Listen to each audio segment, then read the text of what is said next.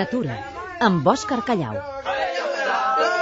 Avui viatjarem al Parc Nacional de Masai Mara, a Kènia. S'anomena així pel riu Mara, que travessa la sabana, i per la tribu dels Masai, que habita aquesta plana immensa.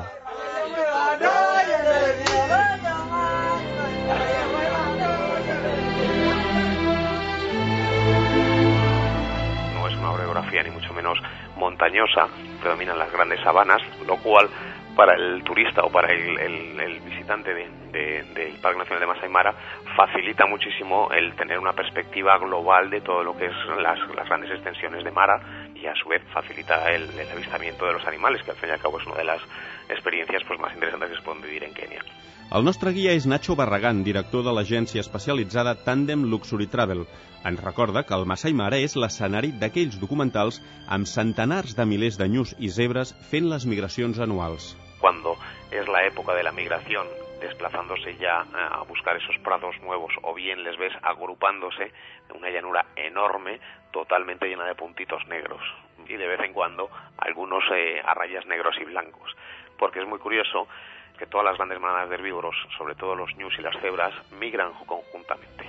A l'argot dels safaris, els animals més cobejats els anomenen gats. todo turista al principio en cuanto ve un ñu eh, le hace mucha ilusión.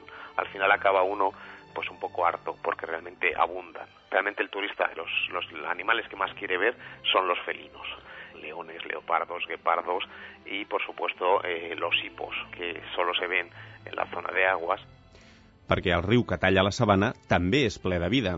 El río Mara es el famoso río en el cual podemos encontrar pues también toda la vida salvaje al entorno de los ríos en África, pues desde los hipopótamos, los cocodrilos y las más que famosas escenas de las grandes migraciones de la parte norte a la parte sur hacia el Serengeti, cruzando el río Mara en busca de pastos más verdes eh, para alimentarse.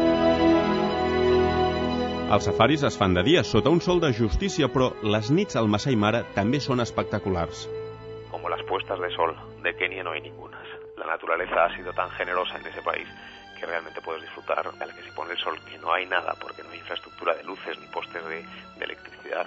Eh, es un encuentro con la naturaleza 100% y las noches te vienen a, a la cabeza un montón de ruidos de la fauna salvaje, desde el león que pueda rugir a 100 metros tuyos.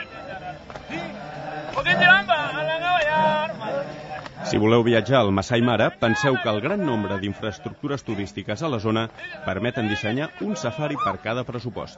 todos los viajes normalmente tocan eh, un mínimo de dos noches en Mara. Sí es cierto que además el país Kenia pues a día de hoy dispone de diferentes niveles de alojamiento, con lo cual se puede amoldar a las diferentes posibilidades económicas de cada cliente, desde un concepto pues un poquito más de aventura en Kenia hasta bueno pues ese concepto de viaje mucho más exclusivo Natura,